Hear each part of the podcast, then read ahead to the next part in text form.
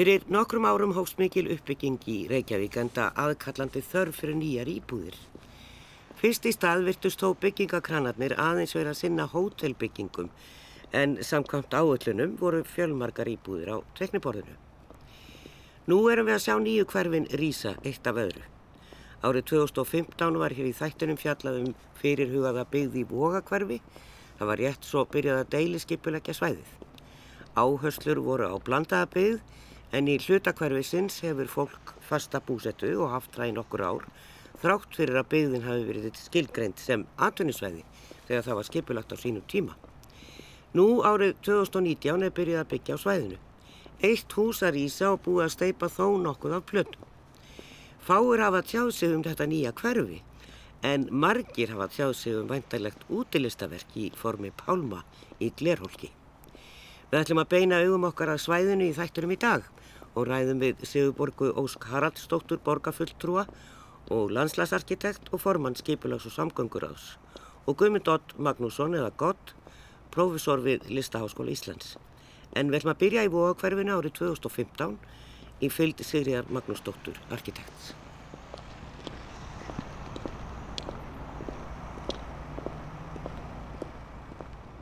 Gengið er frá samningum um helgina við loðareigendur í nýju hverfi, Vógabyggð, sem í upphæfi var skipulagt sem atunukverfi í borginni. Þarna voru margir erðafestublettir, braggar á hernámsárunum og síðan atunusvæði. Í dag þykir manni kannski undarlegt að menn vildu leggja þetta fallega svæði við ellega vógin undir atvinnustarfsemi. En í væntalegri skýslu borgarsögursaps um svæðið segir Á þessum tíma réður stjórnvöld í ýmsar aðgerði til þess að styrkja íslenskan yðnað og bæta samkeppnustöðu hans. En skilirði fyrir yðnað hafðu vestnað mjög í kjálfar breyttrar efnahagstefnu og aukins innflutningsfrelsis sem komi var á árið 1950. Árið 1953 var haftastefnatekin upp á ný og hófst þá nýtt vakstarskeið yðnaðarins sem stóð út áratvíinn. Lagði yðnaður drúan skerf til hagvakstar í þjóðfélagin á þessu tímabili, líklega má sjá áhrif þessa í uppbyggingu yðnaðarlóðana við ellið á vóg á sjötta áratögnum. Fyrstu lóðin á þessu svæði var útlutað til Ramasveitna ríkisins. Á uppdrættinum að vóakverfi frá 1946 er búið að merkja inn afmörkun þeirra lóðar í norðvestur horni svæðisins með norðumörk að Klepsmýrarvegi og vestumörk að Elluðavogi. Lóðin fekk síðar staðfangi Súðarvogur 2. Fyrstu húsin sem reist voru á lóðinni voru tvær sambyggðar bógaskemmur sem Sigurður Tórótsen verkfræðingur reiknaði fyrir ramasveiturnar og voru byggðar þar 1953-4. Árið 1954 hófust einnig framkvæmdir við byggingu verstaðis, byrðagemslu og skrifstofuhús á lóðinni sem Sigvaldi Tórdason arkitekt teknaði. En Sigvaldi teknaði marga byggingar fyrir Ramasveitur ríkisins. Ekki voru reistar fleiri byggingar á lóðinni en Ramasveitur ríkisins, setna Rarek. Höfðu þar skrifstofur og byrðarstöðu allt fram til 1994 en seldu þá eignirnar og hefur gáma þjónustan HF haft þar stjórnstöð og skrifstofu síðan. En nógum það í byli. Skipulag Vogabygðar er niðurstaða samkeppni sem var haldin á vegum Reykjavíkuborgar í áspyrjun 2014. Tvær tillögur hlutu fyrstu velun.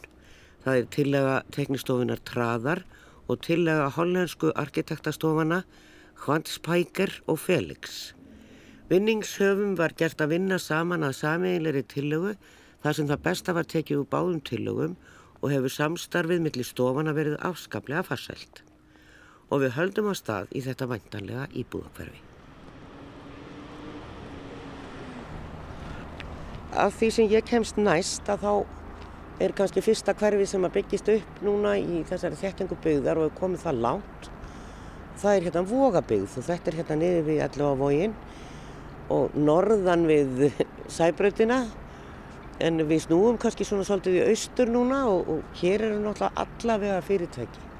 Við erum búin að keira þetta svolítið um, ég og Sigriður Magnúsdóttur arkitekt sem er hjá Tröð sem var með vinningstillöðuna skipulæginu hér.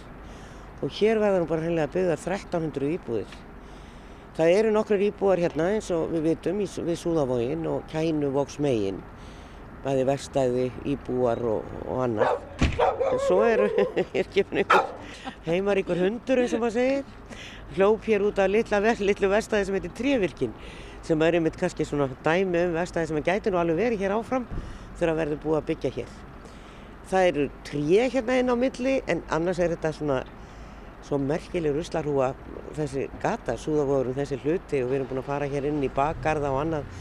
Og þetta er staði sem maður á aldrei erindi á þannig að maður er svona bara vá, hvað er hér? Og það eru stóri flutningabílar og ruslageimslur og gámaþjónustan er hérna og, og, ég, ég segir við erum búin að sjá ansi mikið rusli bara sem á eftir að flytja hérna, bara reynlega drastli. Já, það er eins og það hafi sapnað svolítið mikið af gamlum bílum sem ekki þarf fyrir lengur Já. og vinnuvélum og ímsu Já. og þetta, eitthvað á húsakostinum er nú orðin ansi illa á sig komin en, en hérna, þetta nýja skipla það er auðvitað kallar á algjöru umbreytingu á svæðinu því að þetta hefur auðvitað verið yðnaðar og aðtapnasvæði, hérna hafa verið yðnaðarhúsnæði og geimsluhúsnæði en nú að breyta þessu í íbúðabigð og miðsvæði. Og miðsvæði er þá starfsemi með vestlunum, þjónustu og skrifstofum og jáfnveil hótelum eins og er svo vinsælt í dag. En megin þungin er í raun og á íbúðabigð og þannig að að það auðvitað verður gjör breyting á þessu svæði en við ætlum samt, sko skiplaði leggur upp með samt að halda í þessi sér engjani sem er í vóabið með í raun og veru þessa, þessa smá atvinnustarfsemi sko að litlu fyrirtækin sem hafa nú náða blómstra í, við Súðavógin að þau verði ykkur af þeim áfram já, já, já, já. Við horfum hérna út á þegar maður horfir yfir vógin þá er þessi nýja brú sem er hérna yfir með rauðum svona eh, hengingum, ég veit ekki hvað um að kalla það sem að það sem að hjólabrýtnur já, já, já, sem er hérna yfir. já, og hér er hérna þið teiknuðu nú þetta, er það ekki? Jú, jú, jú. Eh, Smábátahöfnin, hérna, Snarfari er hérna. Já, já. Eh, og hinum einn við er náttúrulega þessi ruslarhúa sem er á einhverju gamlum tangaðu uppfyllingum að gera sér ekki grein fyrir því hvort þetta er náttúrutangi Já, gelgjutangin, það er í raun og veru gammal tangi. Það er gammal tangi. Já, gelgjutangin En hér er gömul uppfylling þannig að við erum ekki að tala um geirsnefið. Nei, geirsnefið er fyrir að handa þessa uppfyllingu. En í raun og veru fyllist þetta upp nokkuð á svipuðum tíma því að, að við segjum stundum í gamni að þetta er þetta árbærin og breyðholti sem liggur hérna út í ellavöginum. Að þetta var sem sagt tippurinn úr grunnónum þar Já, sem var farið með hinga niðrættir. Ég er ekki vissum að allir viti það. Að, að því að þetta var auðvitað, getum við sagt, stórt umhverfislis á sínum tíma að þegar var fyllt út í ellavógin og þetta hefði þetta aldrei verið gert í dag eh, með þær leirur og það fjölbreytta lífríki sem er í vóginum en, en nú er þetta komið og, og þá er þetta um að gera að nýta þetta, þessar fyllingar og, og, og með þessari uppbyggingu sem er, er í vændum hérna í Vógabíð að þá auðvitað, skiptir miklu máli sko hvað er í bóði og að 1300 íbúðir 11-1300 íbúðir að það þetta, kallar á skóla og það er ef það er komin skóli inn á svæðið að þá mun það vera kannski hafa áhrif á fjölskyldufólk og, og það sem við erum auðvitað að sjá að það sé sko ungt fjölskyldufólk sem vil búa í borg sem mun flytjast hérna í Vóabið.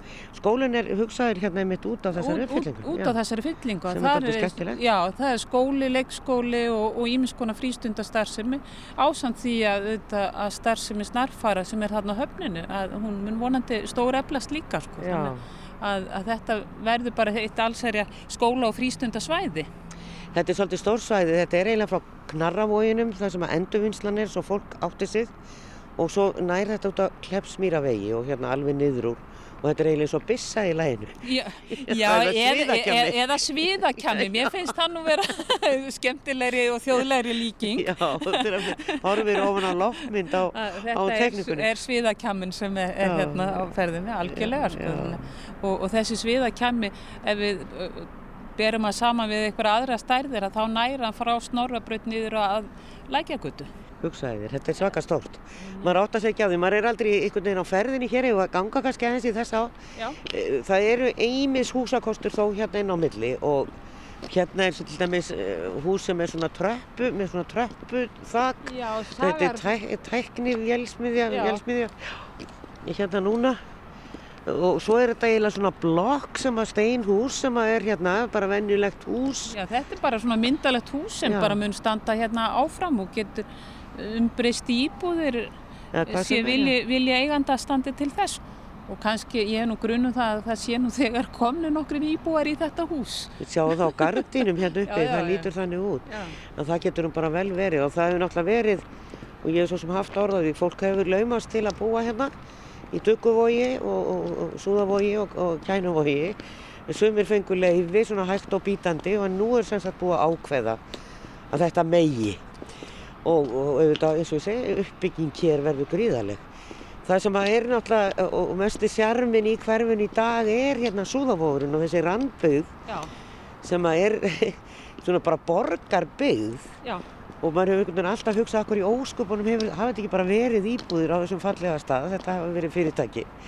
Og þarna er okkur að byggja eins og borga á að byggjast Algjörlega, algjörlega. Þetta er bara skólabókar dæmi um borgarbyggðin en það er auðvitað þegar mikið af þessum húsum er að byggjast upp úr 1960 svona á sjönda áratugnum og á þeim tíma að þá er útkverfa stefnan alls ráðandi og Já. þá er maður auðvitað að byggja breyðholtið og árbæinn og þannig að það er verið að þennja borgin út en ekki það að, að, hérna, að nýta það landsvæði sem er, er næst sko, þetta var bara að hugsa sem atvinnu húsnæði á sínum tíma.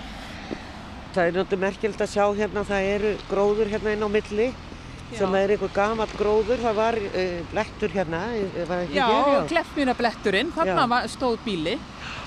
Ég er ekki alveg með ártali hvenar húsum voru rifin en, en það hefur ekkert byggst upp á þeirri lóð en, en hérna gróðurinn stendur En svo er þetta merkilegt líka að það eru hérna háubakkar, að það er sem sagt friðlist svæði sem er hérna á Vóabið og við kannski kíkt, kíkt á, á það. Það eru svo mikið stórum trökkum sem að fara hér um að það er að líta vel til hægur og vinstri. Þá komum við bara hérna úti í grasið, hérna neðan við og horfum sem sagt beint hérna yfir á höfðan En þetta, þetta er nefnilega svolítið skemmtilegt að á þessu svæði skulu vera hérna fríðlistan náttúruminjar og, og það, það er passað upp á það í skiplæginu að, að þeim verður gert hátt til höfus og, og að meðfram þessum minjum að þá mun leikja göngustígur sem verður hér alla leðina frá knararvójunum og út á gelgjutanga. Mjög svona, skemmtilegu strandstígur. Sko. Já, ég sá það á ykkar tekningum, þá er þetta uh, svona timbur uh, eða bryggjustígur. Já, já, já. Það, þannig að það er svona áður eftir að útfæra þetta en, en þetta eru svona hugmyndirna sko. Og svona á miðjum strandstígnum að þá er gert ráð fyrir sagt, aðal torki hverfisins þar sem hérna í raun og veru tengi saman umferðarleiðirna eða hjólaleiðirna frá hérna gungubrúnum og vantarlega tengingu yfir á snekkjuvógin og yfir í vógakverfið. Þannig að, að með þessari uppbyggingu að þá erum við líka svolítið að bæta ástandið í vógakverfinu. Að það mun koma brúatenging á milli vógakverfis og hinga niður til. Og hinga niður til í beinu framaldi hérna af Tranavóginum. Tranavógin sem gengur hérna upp. Því gamla daga gekk hann í raun og veru hérna niður, snekkjuvóginum gekk hérna allavega niður í sjó. Sagði Sigriður Magnúsdóttir arkitekt á arkitektastofinni Tröð. En hjá mér hér í stúdjó eru Sigurborg Úsk Haraldsdóttir, borgarfulltrúi og Guðmundur Óttur Magnússon eða Gottur, profesor við Listaháskólan og velkomin bætu. Eh, Kanski fyrst við þið Sigurborg að því við vorum að tala um lóðirnar þetta er alveg ótrúlega margir sem eiga lóðir þarna. Hvernig gengur að semja um eh, við þá og það er ekkert búið að selja allt þarna eða ganga frá samlingum? Já, það er hárið. Það eru mjög margir lóðarhafar á þessu svæði. Yfir hundrað ef ég mann rétt. Já. Og það einmitt þarf að semja við hvern og einn. Og málinn standa þannig að það er nú búið að semja við lang flesta eða yfir 70%. Það voru einstaka aðilar sem höfðu ekki áhuga að vera með og þá einfallega býða þær lóðir bara í, í skipulagi bara með þær heimildir sem þær hafi í dag fá engar aukna byggingaheimildir ekkert sem breytist á meðan allt hitt vera stað og svo ef að menn kjósa að koma aftur að samningaborðinu þá stendur það alltaf til bóða. Þannig að þið hafið alltaf milligöngu um þetta? borgin. Já, já. já, já. Það, er, það er hugsunin, sko, það, það vegna þess að í, á þessu svæði, vóabegðin, að þetta er einmitt yðnaðsvæði, gamalt yðnaðsvæði sem er að fara í enduníun sem að stórum hluta sem íbúasvæði. Og þá ákvað borgin að setja sér þessi samningsmarkmið. Það er að segja að minnst okkurst í 25% þurfa að vera fyrir íbúðir fyrir þá sem hafa minna á milli handana 5% uh, fyrir félagslegar íbúðir. Og svo hérna upphæðin sem fer í, í listskreitingar og þetta er allt og, ákveðin, og einnig eru innheimt ákveðin innveðagjöld hvert fermetra sem að fara þá í að umbreyta svæðinu, í að gera þessa nýju götur, þessi, þessi tork, skóla og leikskóla og alla þessa innviði sem þarf fyrir svæði en í staðin fær uppbyggingaræðili auknar heimildir, byggingarheimildir. Og, og þannig hefur tekist að ganga saman hönd í hönd á þessu svæði að því að byggja þau upp. Já, þetta er mikill prósess en það var alveg rosalega mikið að rusli hana og maður svona bara hugsaði þetta gerist gætnan á, á, á vinnusvæðum og þetta er ekkert bara í Reykjavík maður sér þetta líka erlendis. En eru engin viðlög við því að menn bara drastla eins og þeim sínist á svona loðun? Jú, að sjálfsögði eru það og heilbriðis eftirliti er sá aðili sem að fylgist uh, hvað mest með því einhver leiti byggingafulltrúi en það er rosa erfitt ef ég á að vera alveg heiðarlega með það því að stundum mætir heilbrís eftirlíti á svæðið og, og hlutin, uh, hlutinni lagast. Svo bara daginn eftir er það aftur komið í, í svipa horf. Þannig að hérna, það getur verið erfitt að eiga við það. Já, þannig að það er nú þurft að flytja ansi mikið burt þarna, þetta var 2015 þegar við rættum saman þarna sem við heyrðum á þann og við höfum eftir að heyra í Sigriði aftur og eftir og við heimsótt hann aftur. En Gottur, eh, það var nú sumi talað um súðavógin sem svona Íslenskt Soho. Var einhvern tíma sagt um því að þarna hafa listamenn gætnan sest að og eru með vinnustofur og síðan flutti inn þarna strax fyrir mörgum árum síðan. Já, já, ég hérna kannast vel við það og, og meiri sem nær þetta alveg uh, sko aftur til 1980 Þegar maður sko, margir hættar líka framar sko í, á skútuvóginum var Kristján Stengrimur með, með vinnustofu, setna fluttu svo einn Sigur Ráttni Sigursson og, og Rúri og, og menni svo Ármann Reynisson og, og, og, og margt svona sem sko þetta dró að og er segja sko er það nú oft hannig að, að listamenn til líta nú ekki alltaf á, á svona já, frákast sem rusl heldur, heldur oft sem efni við að gera eitthvað og, og það, stundum sleppum maður ekki við það að, eins og maður segir stundum if you ain't have appetite for chaos you ain't creative það er að segja ef þú hefur ekki, hefur, hefur, hefur, hefur ekki tilfinningu fyrir sko smá ruggli og drasli þá ert ekki að skapa náttúrulega skapaðan hlut.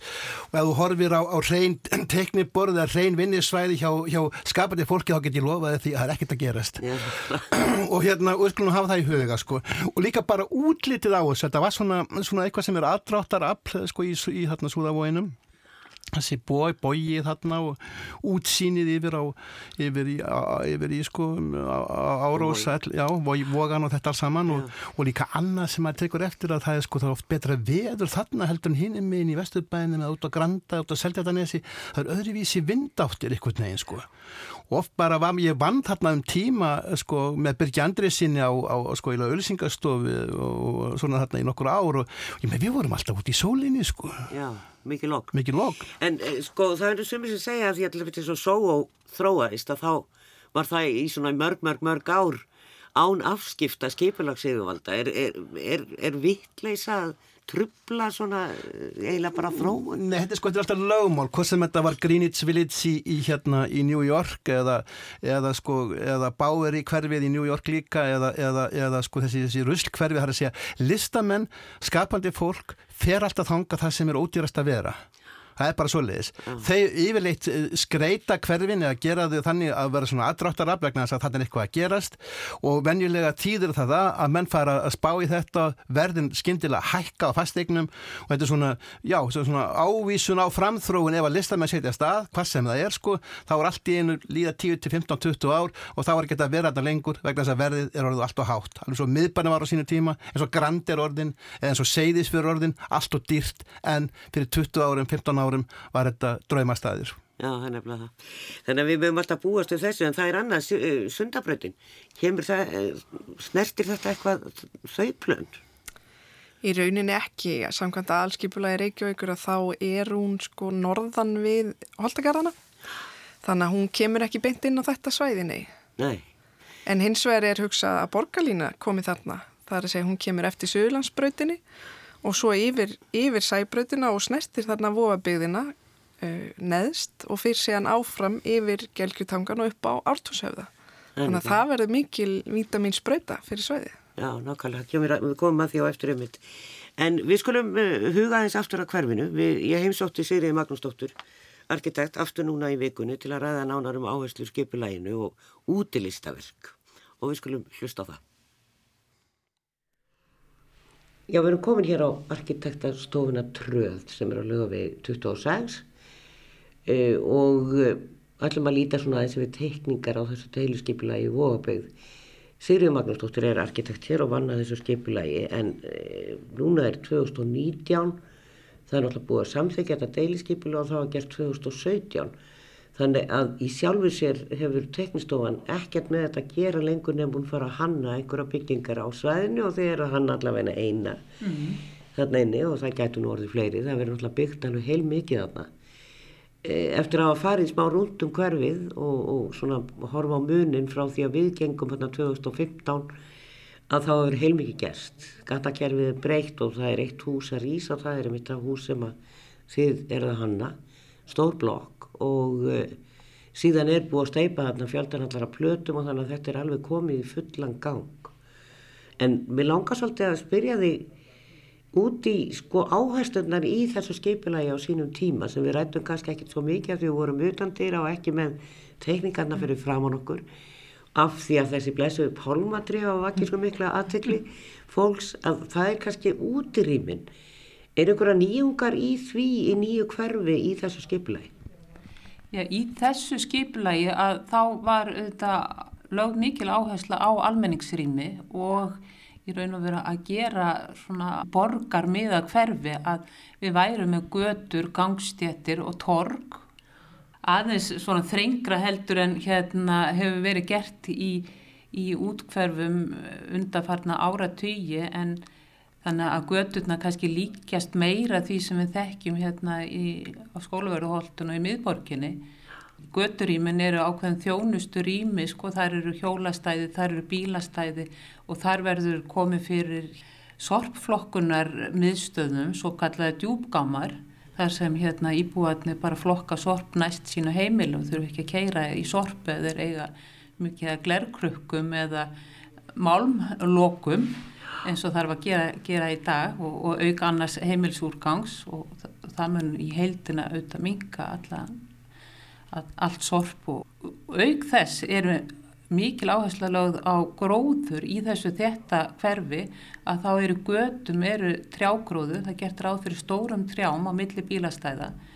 Það er gerð líka krafa að öll húsin sem eru byggða allavega helmingur af yfirborði lóðar séu með gróður yfirborði og það er að hluta til gert líka til þess að hérna, taka við regnvatni þegar rignum mikið að þá, þá sapnar þessi gróðuflötur upp vatninu og, og, og síðan er það bara þá veitt í ákveðna tjarnir eða, eða brunna eða þess áttar og það er þá frelsi hvers slóðar hafa að hvernig hann leysir það. Eh, við erum nú í þeirri tíð þessa dagana í, í Reykjavík að það er glerhálka út um allt og vatn ofan á, á klaka og, og, og fólk blótar þessu náttúrulega í stand og ösku, fótbrót eru bara mjög tíð og handlisbrót.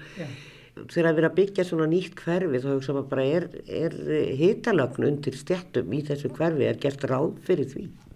Það hefði nú verið, gaman hefði það náðust í gegn sko en það var virkilega rætt á skiplast tímabilinu og ákveðið að svo skildi ekki vera. Og, og það er þá ákverðun uh, borgarjöfuvalda eða hvað? Já, það var, já, og, og þeirra hérna veitu yfirvalda að, að, að það var ákveðið að hafa það með þeim hætti, sko, en, en vissulega hefði það verið til mikill að bóta að hafa snjóbræslu sem hluta af, af því sem er yrði gert, sko, og, og það er svo sem ekki búið að leggja gangstéttina, þannig að vonandi er hægt að breyta því sko. Já, og endur skoða það. Já. Því að við sjáum náttúrulega í eldri hverfum í Reykjavík þar er verið að rýfa upp gangstættar til að breyta þessu. Já, já, mikil ósköp og, og, og maður sér að það, það er mikið af fólki sem einmitt leggur leið sína í miðbæði núna til þess að fá sér göngutúr, það sem er snjóbræsla. Já, já. þannig að það er engi spurning og mikil kostur að geta gert þetta. Það lögði áherslu á útirými og þessu pálmatriðin eða útilistaverk það var gert ráð fyrir því upp, í upphafi á þessu torki inn í miðju hverfi. Það er stefna borgaríðvalda að útilistaverk skulu fléttast inn í skipulag hverfa og það er eitt af því sem kom með þessu nýja aðalskipulagi og, og er þá hluti af deilisskipulaginu þannig að það var ákveð strax á deilisskipulagstímabiluna að, að það kæmu útilistaverk í hverfið og í raun og veru samt sko var það haft með mjög opnum hætti til þess að geta tekið á móti af framsagnum hugmyndum eins og pálmatri í glerhólkum eins og niðurst það var í þessari eh, flottu hérna alþjóðlegu samkeppnum um listaverk. Þetta er þetta mjög metnaði full aðferð sem hefur verið beitt við það að velja listaverk í þetta hverfi. Þannig að það er bara vonandi að þetta er eftir að hefnast mjög vel. Ertu búin að skoða verkinn? Já. Já og mjög, mjög aðklisverk sem kom út úr þessu og, og vildi gætna að sjá að það eruðu keift fleiri verk inn, inn í hverfið af þeim sem komu þarna fram. Deiliskypulæðið er því er lokið, það er samþygt en við sjáum og ég meina það er allavega svona orðurómur oft manna að jújú jú, það var rosalega fín vinningstillaga og það búið deiliskypulækja en, en svo blótar fólk húsið miklu hærra heldur en uh, var gert ráð fyrir á þeim myndir sem við skoðum, það er sex aðeins stæðin fyrir fjórar. Eh, hversu stránt er þetta og hafið þið eitthvað með það að gera? Já, deiliskypulæði þetta segir til um hæð húsa. Þannig að það, það er þá nokkuð stránt og, og ef einhver sækist eftir að, að gera það öðruvísi að þá þarf hann að sækja um breyting á deiliskypulæði og, og það er þá bara háð pólitískum vilja hvort hann fái það í gegn En sjáum við það ekki gerast stundum í, framkvæmdar tímanum? Já, það voru reyndar í þessu deiliskypla, það voru hérna nokkra breytingar strax í upphæfi þar sem var bætt við byggingamagni en, en síðan hefur það ekki orðið reyndina. Uh, þið báðu þetta þessi vinningstilögu uh, á sínu tíma með hollenskri teknistofu og hafa þeir verið með í ferlinu allan tíman frá þessar aðeila frá Hollandi? Já, það var þannig að það voru tvær tillögur sem unnu samkeppnuna og það voru tvær ólíkar tillögur og okkur var gert að samena tillöguna í eina tillögu sem er þá þessi deiliskyplast tilla og við höfum þá unni hana í samstarfi og erum í, í sam, samskiptum. Gekk þetta samstarf annars vel á útleikar? Mjög, mjög vel, mjög vel. Eh, eigum við eitthvað sameigilegt með hollendingum nema þetta er þetta niður við sjó? Já, sko, þeirra þekking og, og reynsla hefur vissulega nýst mjög vel í, í þessu og, og, hérna, og við höfum í, í mikið að sækja einmitt hvað var það að byggja þetta borgarbygg, þar hafa þeir virkilega mikið til málan að leggja, þannig að já, það er alveg rétt. Já, en nú höfum við náttúrulega talað um að, að íbúður og annars eru dýrar, þetta er náttúrulega ekki á eitthvað konnu það eru byggingarreglugerðir og, og, og, og annað sem að hafa svona kannski ítt verði upp hér í þegar það er verið að byggja upp borgina. Mm. eru bílakjallara til dæmis undir öllum þessum húsum eða hver, hvernig er þetta leist þess að kannski að fá út einhverjar ódýrar í íbúðir? Já það eru það er gerð krafa um að það sé að lámarki 0,8 bílastæði á hverja íbúð innan lóðar að hámarki eitt bílastæða á hverju íbúð. Og síðan er það í raun og veru í höndum arkitekta sem leysa og hanna hús á hverju lóð að finna út hvernig þeir gera bílakjallarana. Þannig að það er hægt að leysa þá með einsum hætti. En það er náttúrulega stæði ofanjarðar líka.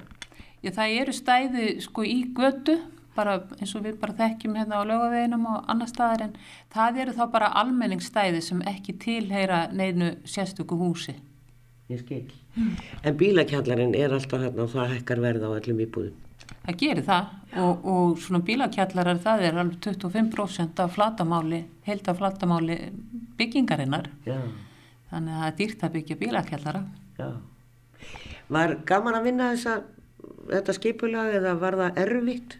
Já, þetta bara, hefur verið mjög skemmtilega að vinna og, og hérna og líka gaman að vinna sko, hvað, með Reykjavíkuborg í þessu sko, að þessum breyttu áherslum það sem er verið að leggja áherslu á gæði í almenningsrými sem ég finnst alveg ótrúlega skemmtilegt gæði í byggð samskiptum fólks að, að skapa þannig umhverfi að fólki líði vel að það er alltaf gaman að vinna svolítið eh, Við töluðum um það 2015, það er fjöldin allar á húsum hérna sem eru, eru bara í góðu standi og hérna væri synd að rýfa því að þau eru bara vel byggð og og gætu nýst verður mikið rífið af þessari gamlu byggð sem þegar er komin hann.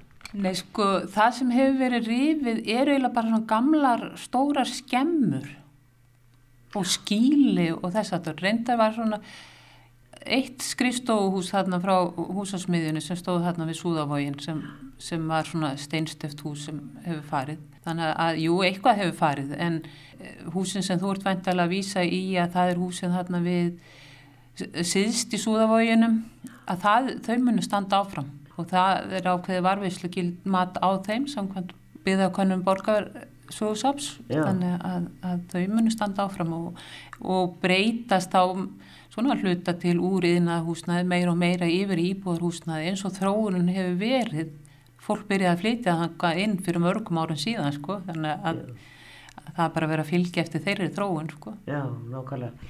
Já, það eru þarna listamenn og, verstaði og annað Já. og það var meiningin að blanda þetta hverfi og, og það er ennþá, sem sagt, í deiliskypunan er lögð áhersla á það. Já, það er einmitt og það er þetta rosalega spennandi að halda því að, að það sé einhver starf sem er áfram í hverfinu. Að þetta verði ekki bara íbúðakverfi og, og hérna að það sé eitthvað skapandi starfsum og þá er ekki bara að tala um listamenn heldur bara bifjölavirkja og, og, og lítil trésmiðavöstæði og saumastofur og, og allt þetta sem við þurfum á að halda. Svona smá yðnaður Já, Já mm, lítil prentstofa Þetta hefur verið reynd áður. Þetta var reynd meðal annars í hverfinu sem við kallum stundum millir lís og dauða upp í líðum e, þetta hefur síðan meira og minna þróast út í það að það hefur breyst í íbúðir. E, tekst okkur heldur að gera svona blanda hverfi hér í okkar fámenni?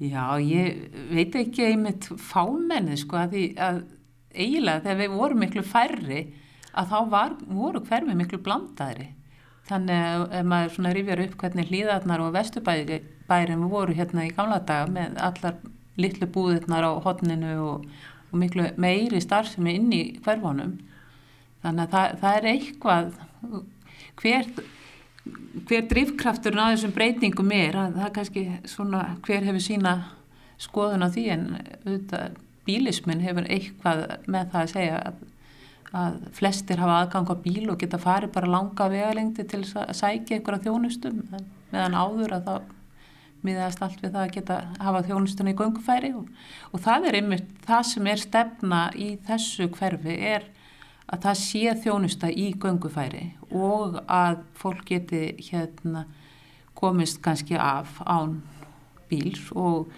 og það sem er auðvitað spennandi að það er að borgarlínan að hún mun tengjast þarna við vofabið síðst í hverfinu og, og það þetta, gerir þetta að virkilega spennandi kosti sko. Sagði Sigriður Magnúsdóttir arkitekt á Tröð. Sigurborg Ósk Haraldsdóttir formaði skipulags og samgöngur ás borgarinn að sitju hér og guðmundur Ottur Magnússon eða Gottur, professor við LHI. En það voru ráðstafnir og málfundir um uppbyggingu íbúða þarna árið 2015 og mikið talað var alltaf verið að halda fundi.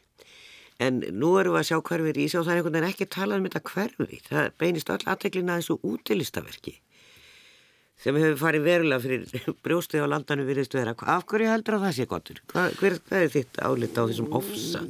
Já, sko, ofsið er nú fyrst og fremst út af, út af sko, punstránum í, í, í hérna niður við Nautólsvík og þá einhvern veginn lág þetta svo vel við höggi að, bæta þessu á en sko það er alltaf út af fyrir sig mjög aðdeglisvert þegar almenningur fær áhuga á útilegstaverkum við skulum hafa það í huga útlistaverk hérna einu sinni voru bara hreinlega pólitík eða minnisvarðar um, um eitthvað sem, sem var sögulegt eða skáld eða pólitíkussar eitthvað svona skiluru að þetta er svo gert eh, í þeim tilgáðingi að auðga umhverfi að örfa skinnfæri og, og kannski svona ímyndar á skinnfæri og, og, og vera svona meiri, meira svona fram, fram, fram úr stefnulegt að sko, ég meina, svona listaverk hafa oft komið hérna upp á eins og nokkur tækja eftir þeim, ég vil minna til dæmis á það að akkur sagði engi neitt þegar e, listamæður sem við þekkjum mjög vel tók upp á því við endan á, á á snorabraut niður á sæbraut að, að taka steina í burtu, flytja á til Kína og tilbaka aftur slípaða og svo gengur hérna framhjá sér eins og sé búið að lakka nokkra steina þar að hvað er þetta? Skilur, akkur nextlaðist enginn á þessu? Tók, tók engin eftir þessu. Það, um öðrum orðum, það er eitthvað sem liggur svo vel við höggi núna en ég verð nú bara að segja það sko, þó að hérna, og þessi er bara fínt að almenningur hafi áhuga á þessu vegna þetta á ekkert eftir að gera neitt annað heldur en að vekja stórkoslega aðtegli á hverfinu. Og ég trúi því líka að verkið sér þess eðlis ég þekki að kannast vel við þessa listakonu Karin Sandes og þetta er topp listakona sko. Og, hérna, og þó að þessi gert grína þessu og, og svona eins og einn, einn kollegi minn Daniel Magnússon sagði að það var einlega skinsamlegar að nota þennan hólk til þess að snúa hittastíginu við og hafa frost á þessu. Svo við getum sko leift krökkum í hverfun að sjá alvöru snjókalla sem kannski engin út af lofstafsbreytingum við fáum aldrei að sjá í framtíðinni. Og kannski verður allt morandi í pálmatrem út af lofstafsbreytingum innan hundra ára á þessu stað. Skilur Sigurborg, hefur þú skoðun á því okkur fólk er svona óbúslega reitt heldur að fullstráin í Nautalsvík hafi haft áhrif? Já, að sjálfsögðu. Ég held að, að það sé svona ákveðin grunnur sem að, að hérna, já, við séum, fólk hafi sammælst um og við séum sammálum að, að það hafi svona kveikt ákveðin eld og svo byrtist þessi pálmatrí og, og það var ekki alveg samhengi sem byrtist, heldur bara pálmatrín og þá vekja þau rosalega mikið umtal en það sem að vantar er náttúrulega stóra myndin og það er einmitt öll uppbyggingin, allt hverfið sem er að byrtast þarna, allar íbúðinar og, og og svo framvegist þannig að hérna, ég held að sé hárétt Já, en þetta er eins og sagði gott, þetta er ekki til fyrsta sinn og, og Ásmundur Sveinsson var spyrun hans sem var sættur upp í Eskilíð hérna við veðustofuna af því að fólki þótt hann svo ljótur.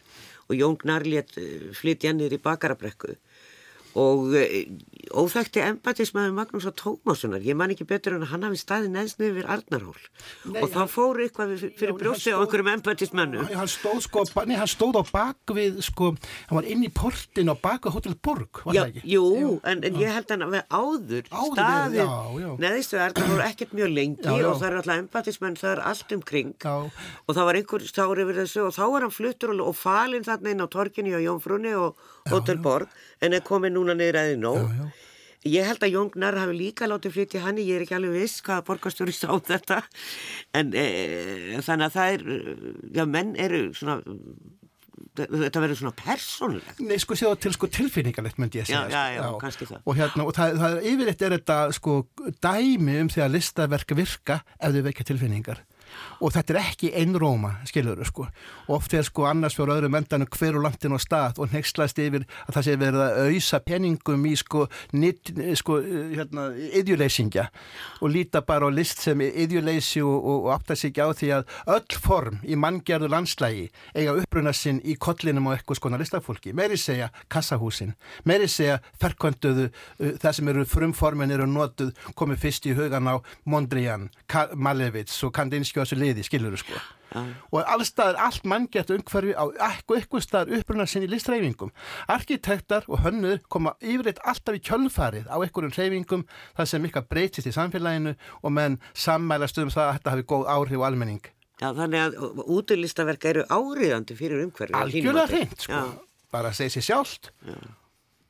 Já, það er ekkert meir um það að segja, þú saman á því Sigborg, þú ert arkitekt sjálf Já, algjörlega, því ég held að það skipti alveg öllu máli, bæði og það að við setjum mikið metnað í almenningsrýmin, í þessi útísvæði sem allir hafa aðgang að. Það er að segja allir samfélagshópar hafa aðgang að göttunum, gangstéttunum, torgunum og þessum almenningsrýmum og þurfum, þar þurfum við að vanda okkur út af því að, að þar höfum við þessi daglegu samskipti og, og þar erum við alltaf dveljum.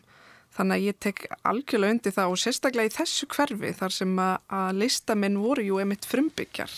Þar sem að það eru þeir sem að koma fyrst inn. Þannig að þá hefur það líka ákveðna svona sögulega tengingu einnig. Já. Það er mikið talað um hvað allt er dýrt, bæði íbúðir og, og náttúrulega bæði hérna allt brakkamálið og allt það. Það er eins og er mjög dýrt að byggja á Íslandi og það er allt ásalega dýrt á Íslandi og þetta er kannski ekki í samræmi við afkomi fólks. Þannig að, að flestir vilja þá bara eitt listaverk kosti bara tíkall eða eitthvað svolítið.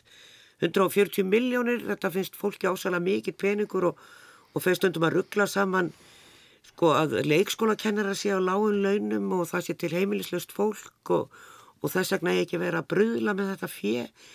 Er þetta eitthvað andrumslátt í samfélaginu út af dýrtíð? Nei, þetta er sko, ég sko séðu til sko andrumsloftið í samfélaginu kannski eru meira vakstaverkir og, og, og það er alveg rétt að, að Ísland er mjög dýrt ekki bara fyrir sko fyrir, fyrir túrista að koma hérna heldur fyrir okkur sjálf og, og, og hins vegar sko er það svo arfa vittlaust að, að, að tengja þetta saman við því að sko raunverulega er svo lítið lagt í listir að það er eiginlega það, það, er það sem er til skammar og það er það sem eigum að vera hnygslast á. Ég veisi meiri segt um hann að því að bara upphæðin sem Reykjavík og Borg hefur til innkaupa á list er læra heldur en einn kirkjusókn í Oslo hefur, skilur þú sko. Já og þetta er förðulegt að, að, að hérna, þetta er bara, er bara hverjulandar sko Já. og hérna og ég lag fólk sem sko átt að sé ekki, veit, veit ekki betur og, og, og sko ég hef enga, engar aðtuga semtu við það að fólk hafi skoðanir en það er svo illa ígrundaðar og það er ekki, ekki hugsað alla leið að þetta er raunverulega er tilgangurinn að auðga umhverfið örfa ímyndunaraflið og gera líf okkar bærilegar og fallegra Mm. Sigurborg, eh, það er náttúrulega verið að deiliskypilegja og plana ný hverfi út um allt og, og við erum svona eins og hafið orða á upphafi, við erum að sjá þetta svona byrja að byrtast núna þetta tekur langan tíma og, og framkamtar bara ákverðunatakan og hönnun og allt þetta þannig að maður sér þetta aldrei daginn eftir eftir að tala um það. Er verið að plana útilistaverk til dæmis, nú var verið að auðvisa deiliskypilega út á hérðisreiknum og uh, er gert ráð fyrir útilistaverkum á þessum saðum? Já, það er gert ymmit á híðisreitnum. Það er ákveðin upp að þar sem fyrir í listskreitingar. Hún er enda talsvert lærri einfallega vegna þess að það er mikið minna svæði. Það er einni á kirkjusand, kirkjusandinu. Þar er líka útilistaverk sem verða og við hverfuskötu. Og í rauninni á öllum þessum svona starri uppbyggingareitum að þar er við að stýðast við þessi samlingsmarkmið og þau gera sem að, að sagt, krefjast þess að það er ákveðin uh, prósenda sem að fer í þessa listskreitingar. Og ég held líka að það sem að, að kannski fólk gerir sér ekki strax grein fyrir er í rauninni 140 miljónir, jú þetta er há tala, þetta er há upphæð. En hvað er hún í samhengi hlutana því að í vofabyðinni eru 6 miljardar að fara í þessa innviði bara núna, það er að segja bara í þeim samningum sem liggja fyrir. Síðan bætist við náttúrulega meiri peningur sem fara í innviðina. Þannig að 140 miljónir er mjög lág upphað af þeirri heilda prósendu en svo náttúrulega kostar líka byggja húsin. Já. og eins og við sjáum til dæmis í Úlvarsardal þar er verið að byggja skóla, menningameistu og sundlaug og það, er, það kostar okkur 8 miljardar þannig að þetta kostar nú allt sitt. Þannig í rauninni ef eitthvað er þá getur við gert betur hvað var þar list í almenningsrými. Það var einu sinni til eitthvað sem maður heyri sjaldan orðið um það er listskreitingasjóður. Og einhver tíman bara fyrir stöttu ef ég mann rétt sá ég fréttum að þeir ætti engan pening. Nei, það er ekki verið að nota það í mörg ár sko, sem er stór skamar sko. Það er ótrúlega margt sem dætt niður í, í, í hérna hruninu og svo er alltaf verið að, kvart, segja sko frá því að við séum komin á svo góðan stað og svona, það er ekkert að því er sko er lagað, allt sem dætt niður í hruninu, það er ekki, ekki skilja tilbaka, bara lokað á allt saman sko.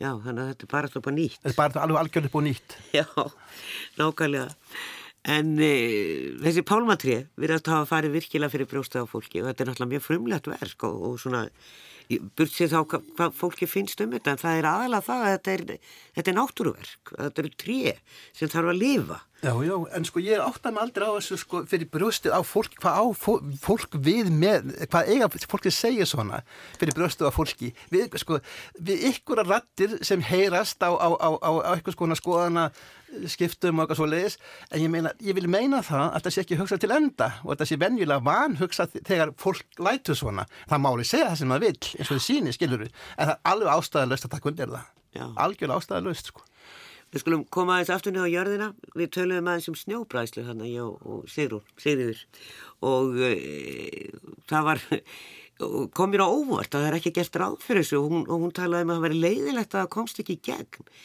E, þetta er svolítið skrítið því að í eldri hverfum eins og ég sagði þar, þar, þar er verið að rífa upp gangstettur og, og við myndum að nota þetta affallsvatn út á stettinnar og svo bara er ábygglega þjóðarslega mjög hagkvæmt færi beinbrot. Já, já, já. já. Með minna vinnutap og allt það sem að fylgir því. Algjörlega, ég tek undir það og það, þetta er líka atrið sem skiptir miklu máli upp á aðgengi fyrir alla það sé alla samfélsópa og hérna en þetta er atrið sem kostar líka pening og ég þekki máli ekki nóg vel til þess að fullera af hverju það var slegið út af borðinu.